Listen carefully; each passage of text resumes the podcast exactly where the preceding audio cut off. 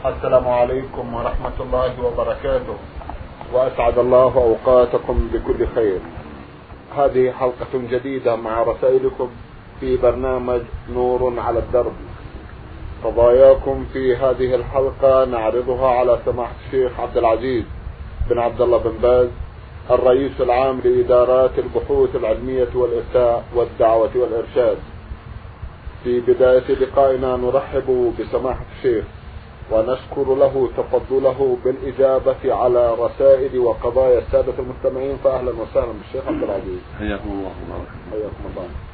أولى رسائل هذه الحلقة رسالة وصلت إلى البرنامج من ميم عين نون زاي من جمهورية مصر العربية.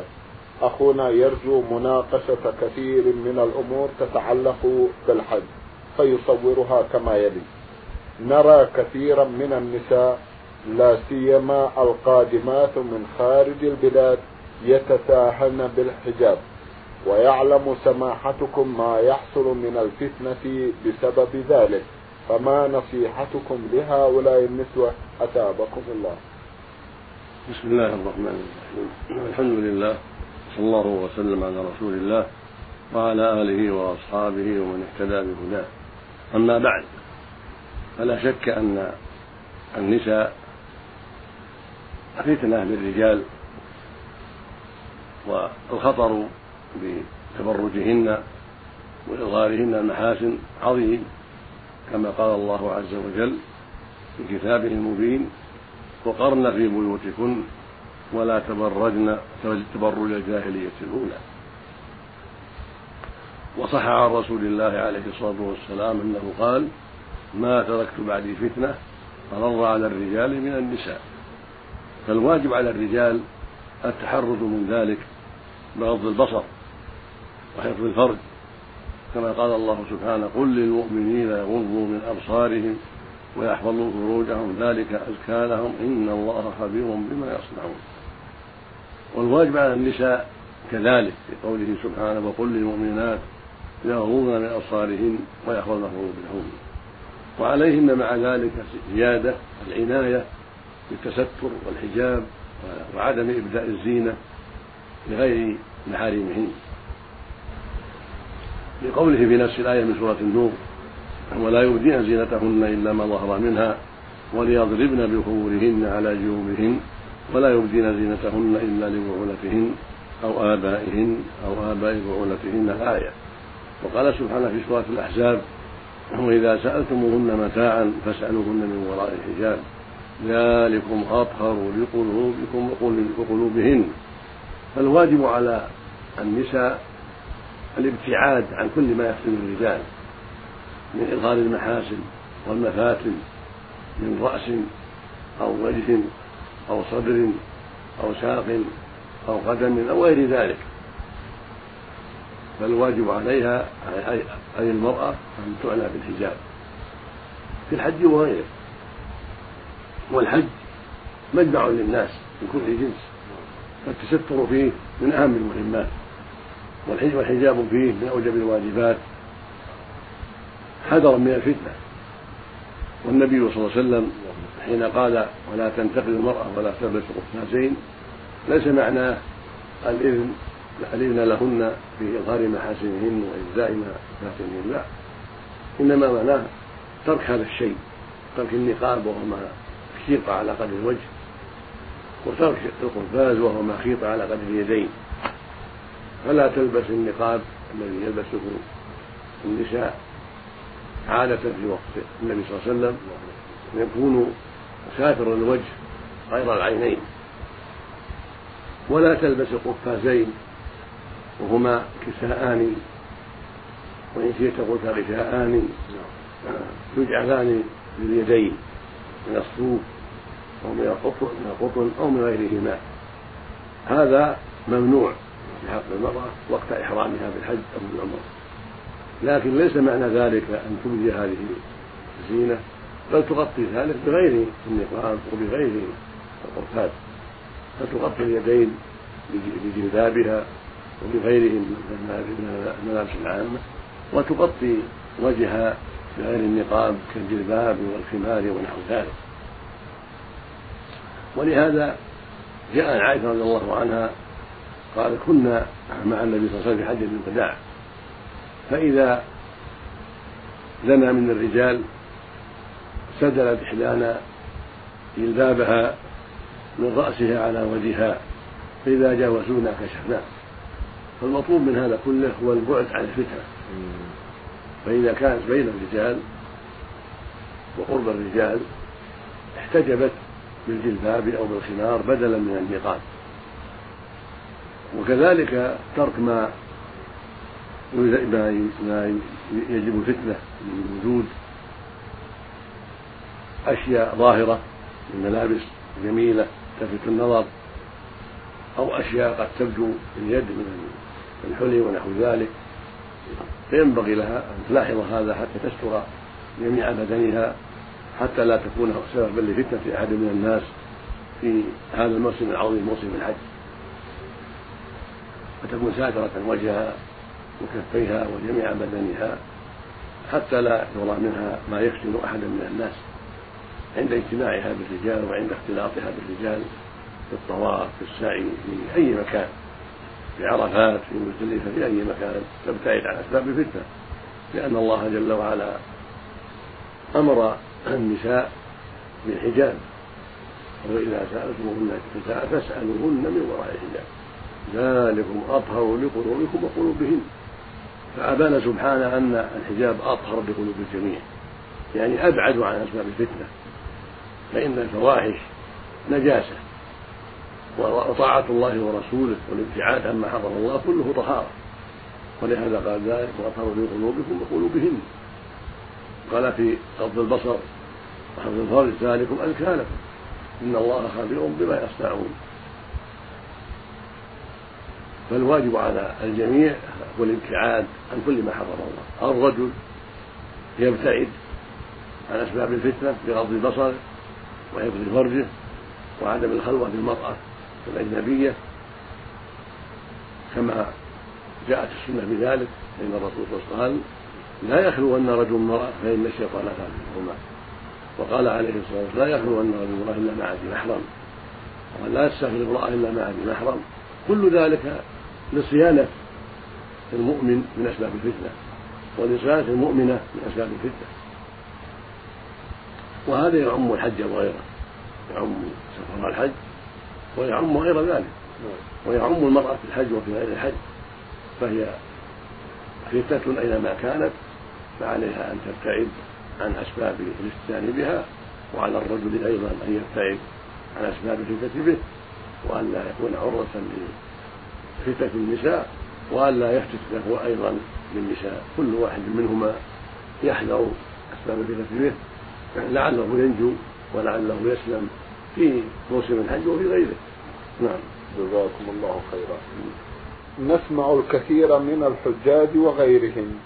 إذا دخلوا المسجد النبوي نادى رسول نادى رسول الله صلى الله عليه وسلم بقوله يا رسول الله أتيتك من بلاد كذا وكذا فاشف مريضي واقض حاجتي وارزقني كذا وكذا إلى آخر. فما هو توجيه سماحتكم لهؤلاء؟ أعزكم الله. الزيارة.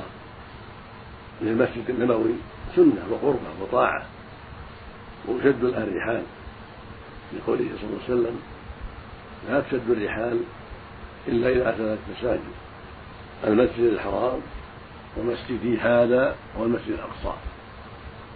فهذه الثلاث مساجد هي أفضل مساجد الدنيا. ولهذا شرع الله شد الرحال لها للعبادة. المسجد الحرام للحج والعمرة والصلاة فيه والقرار والإعتكاف.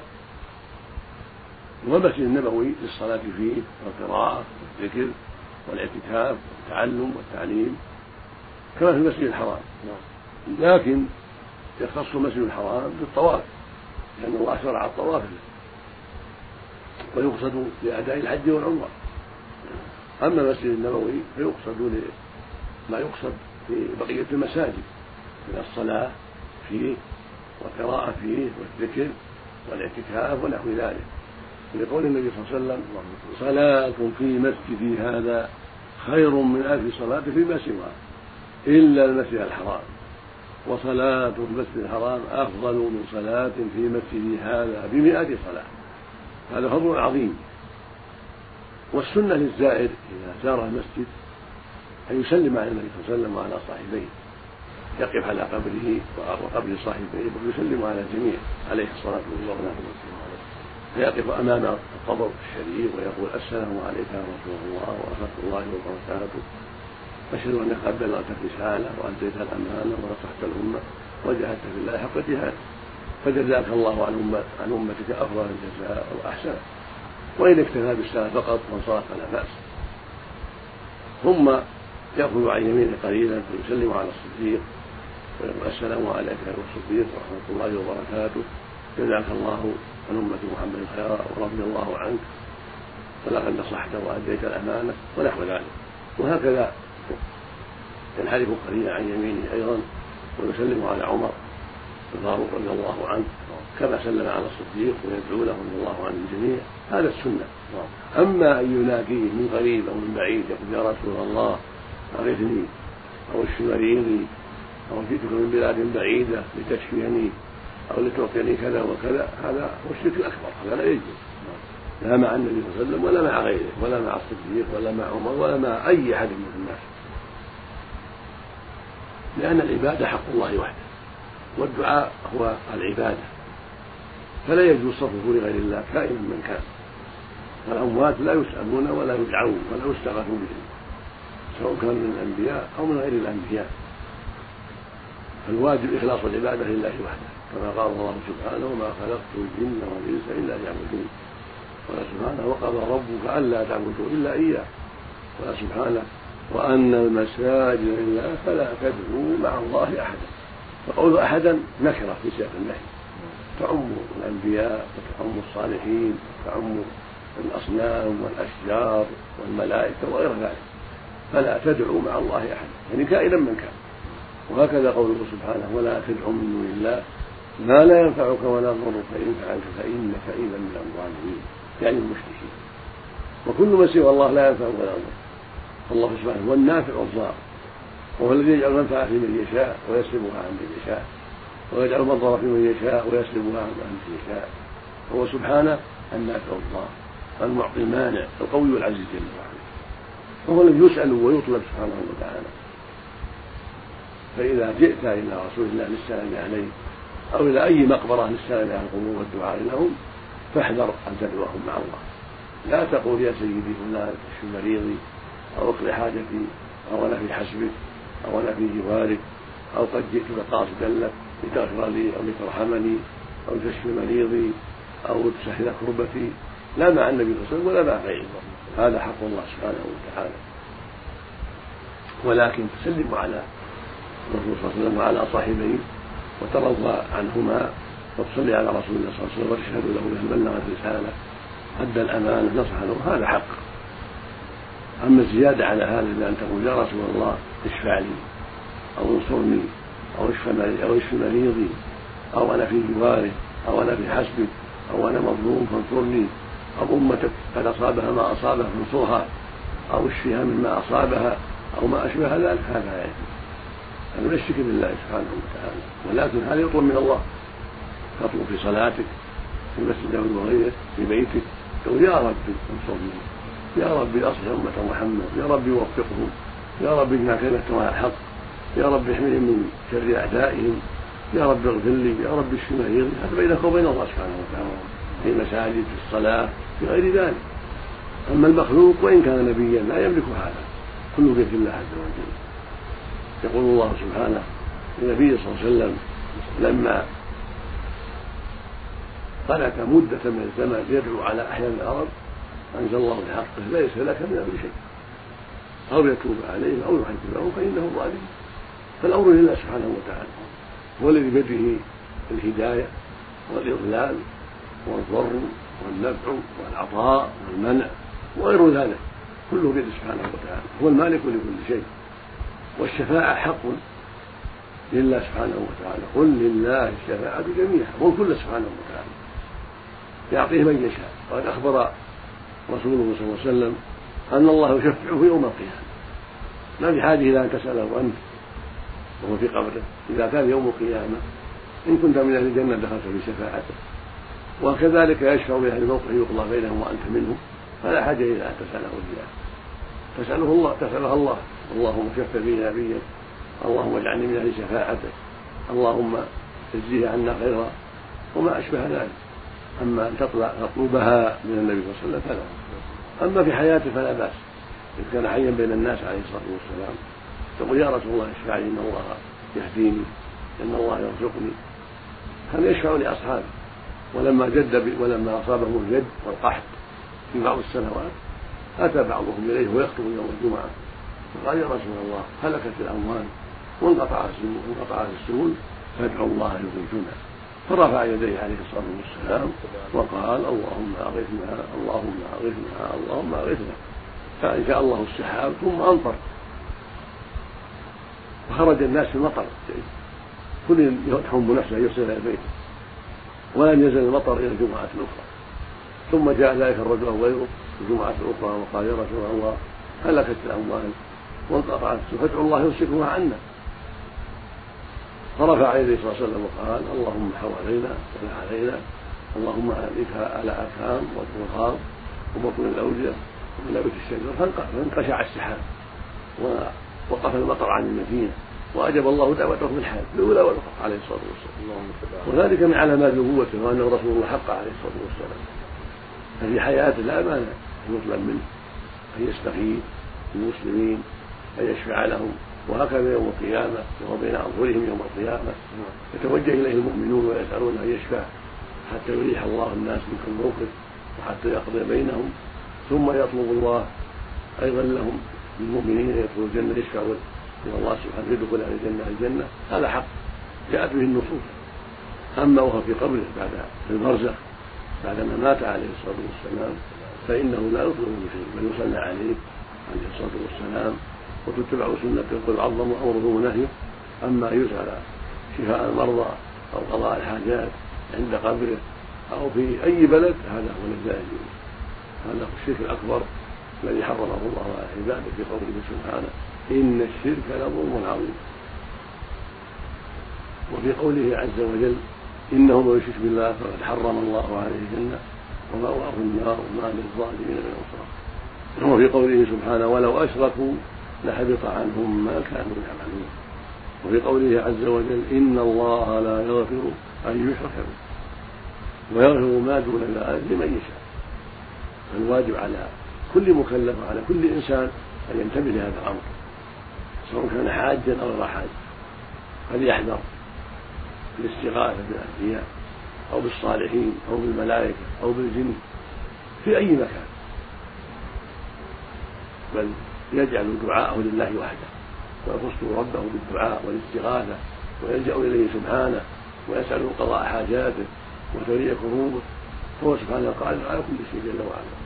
أما الأنبياء والملائكة والجن وسائر الخلق فليس في أيديهم شيء. الملك لله وحده سبحانه وتعالى هو المالك لكل شيء جل وعلا. لله ملك السماوات والأرض وما فيهن وهو على كل شيء سبحانه وتعالى. فاتق الله يا عبد الله واحذر ما حرم الله عليك وانصح من معك من إخوانك وبين لهم ما شرع الله لهم في الحج وفي غيره وحذرهم مما حرم الله عليهم. وهكذا النساء يعلمن ويوجهن إلى ما يرضي الله ويقربن إليه ويبين لهن أيضا ما شرع الله لهن في الحج حتى يكون الجميع على بصيرة في حجهم وفي زيارتهم المسجد النبوي. على صاحبه افضل الصلاه والسلام. جزاكم الله خيرا. أخونا أيضا يسأل ويقول الكثير من الحجاج هداهم الله يأتون من مكان بعيد ويتكبدون الصعوبات والمشاق ولكنهم لا يصونون حجهم مما يفسده أو ينقصه مثل التساهل بالصلاة مع الجماعة ولعب الورق واستماع آلات اللهو وشرب المحرمات وغير ذلك. فنرجو بيان حرمة هذا العمل لا سيما في هذا السبيل. جزاكم الله خيرا. وصيتي لجميع الحجاج من الرجال والنساء أن يتقوا الله عز وجل في كل مكان في طريقهم للحج وفي مشاعر الحج وفي المسجد الحرام وفي كل مكان. وصيتي للجميع يتقوا الله.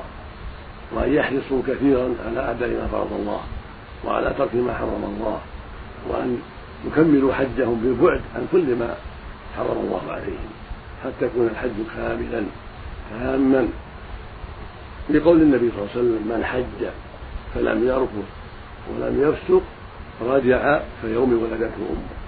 هذا فضل عظيم المؤمن إذا أكمل حجه فلم يرفض ولم يفسق رجع من هذا الحج العظيم رجع كيوم ولدته امه يعني مغفورا له. يعني قد غفر الله له. والرفث هو الجماع للمرأة وما يدعو إليه من القول والفعل. فالمحرم يبتعد عن ذلك. لا يجامع زوجته حتى ينتهي من إحرام من الجمار والحلقة والتقصير والطواف والسعي. بعد نزوله من عرفات والمعتمر كذلك. من أحرام العمرة لا يأتي زوجته ولا يداعبها ولا يمسها لشهوة حتى يطوف ويسعى ويقصر أو يحلق ويتم عمرته. هذا هو الرفث فالجماع وما يدعو إليه يسمى رفثا فالمحرم يبتعد عن ذلك في حجه وعمرته حتى يكمل حجه حتى يتحلل من عمرته وحتى يتحلل التحلل الثاني من الحج بعد الطواف والسعي ورمي الجمار يوم العيد والحلق أو التقصير هذا هو الواجب على الحاج والمعتمر وكذلك الفسوق. يجتنب الفسوق والمعاصي كلها. المؤمن يجتمع يجتنب الفسوق في الحج وفي غيره. فكل المعاصي تسمى فسوق. ومن ذلك الغيبة والنميمة والتعدي على الناس بالضرب أو بغيره أو التعدي عليهم في أموالهم والسب والشتم كل هذا من المعاصي. الواجب على الحاج والمعتمر وغيرهما الرجال والنساء أن يتجنبوا ذلك. ومن ذلك التكاسل عن الصلاة في الجماعة فإن صلاة الجماعة فريضة. الواجب على الحاج أن يصلي في الجماعة وأن يتساهل. وأعظم من ذلك وأكبر أن يدع الصلاة وأن يتساهل بها بها. هذا أعظم وأكبر. يجب أن يحافظ على الصلاة في أوقاتها فإنها عمود الإسلام. وقد قال عليه الصلاة والسلام رأس الأمر الإسلام وعموده الصلاة وذروة سنامه الجهاد في سبيل الله. وقال عليه الصلاة والسلام العهد الذي بيننا وبينهم الصلاة فمن تركها فقد كفر. أخرجه الإمام أحمد وأهل السنن بإسناد صحيح عن بريدة رضي الله عنه وقال عليه الصلاة والسلام بين الرجل وبين الكفر والشرك ترك الصلاة. أخرجه الإمام مسلم في صحيح. الواجب على الجميع من الرجال والنساء العناية بالصلاة والمحافظة عليها بأوقاتها في الحج وفي غيره وفي أي مكان وهي عمود الإسلام. وهي أعظم الفرائض بعد الشهادتين. فيجب على الرجال والنساء من المسلمين العناية بالصلاة والمحافظة عليها وأداؤها بخشوع والطمأنينة والإقبال عليها وعدم العجلة. يؤديها بطمأنينة وعدم نقر وعدم عجلة في أيام الحج وفي غير الحج. هكذا المؤمن وهكذا المؤمنة. وكذلك آلات الملاهي والغنى يبتعد المؤمن عن ذلك في الحج وفي غيره. لأن الغنى كما قال ابن رضي الله عنه ينبت النفاق في القلب كما ينبت ماء البقر. والله يقول سبحانه ومن الناس من يشتري له الحديث يضل عن سبيل الله. قال أكثر العلماء المفسرين له الحديث والغنى وإذا كان من النساء ومن يتشبه بالنساء صارت الفتنة أكبر وأعظم. وإذا كان في الإذاعة وفي مواسم الحج صار أشد. يقول عبد الله بن مسعود رضي الله عنه وهو أحد علماء الصحابة أصحاب النبي عليه الصلاة والسلام إن الغنى ينبت النفاق في القلب كما ينبت الماء الزرع الغنى هو ما يقع من الأشعار الملحنة في مدح الزنا أو الخمور أو ذكر النساء أو ذكر النساء أو غير هذا ما يجر إلى الفساد والشر. فهذا خطر عظيم في الحج وفي غيره الواجب اجتنابه. وإذا كان مع الغنى آلات له من العود والكمان والمزمار والموسيقى صار الشر أكثر. وصارت الفتنة أكبر. وصار الإثم أشد. فيجب على المؤمن وعلى المؤمنة الحذر من ذلك في أي مكان في الحج في السيارة في الطائرة في القطار في بلاده في غير بلاده أينما كان. فالمؤمن مع إخوانه يتواصون بالخير. الله يقول سبحانه والعصر إن الإنسان لفي خسر. إلا الذين آمنوا وعملوا الصالحات وتواصوا بالحق وتواصوا هؤلاء هم الرابحون. هؤلاء هم السعداء. الذين آمنوا بالله ورسوله. صدقوا الله ورسوله ووحدوا الله وعظموه وأخلصوا له العبادة وآمنوا برسوله محمد صلى الله عليه وسلم وصدقوه واتبعوه وعملوا الصالحات يعني أدوا فرائض الله واجتنبوا محارم الله. ثم مع ذلك تواصوا بالحق يعني يتناصحون يتعاون بالبر والتقوى وتواصوا بالصبر أيضا على ذلك. هؤلاء هم الصالحون هؤلاء هم الرابحون هؤلاء هم السعداء هم الأخيار. فعلى كل مؤمن ومؤمنة أن يحرص على أن يكون من هؤلاء. وان يبذل وسعه على أن يتخلق بهذه الأخلاق الاربعه لعله يكون من الناجين الرابحين المفلحين. والله المستعان ولا حول ولا قوة إلا بالله. الله المستعان سماحة الشيخ في ختام هذا اللقاء أتوجه لكم بالشكر الجزيل. بعد شكر الله سبحانه وتعالى على تفضلكم بإجابة قضايا هذه الحلقة. وآمل أن يتجدد اللقاء دائما وأنتم على خير وفي صحة وعافية. مستمعي الكرام كان لقاؤنا في هذه الحلقة مع سماحة الشيخ عبد العزيز بن عبد الله بن باز الرئيس العام لإدارات البحوث العلمية والإفتاء والدعوة والإرشاد. من الإذاعة الخارجية سجلها لكم جميلنا ومطر محمد الغامدي. شكرا لكم جميعا وسلام الله عليكم ورحمته وبركاته.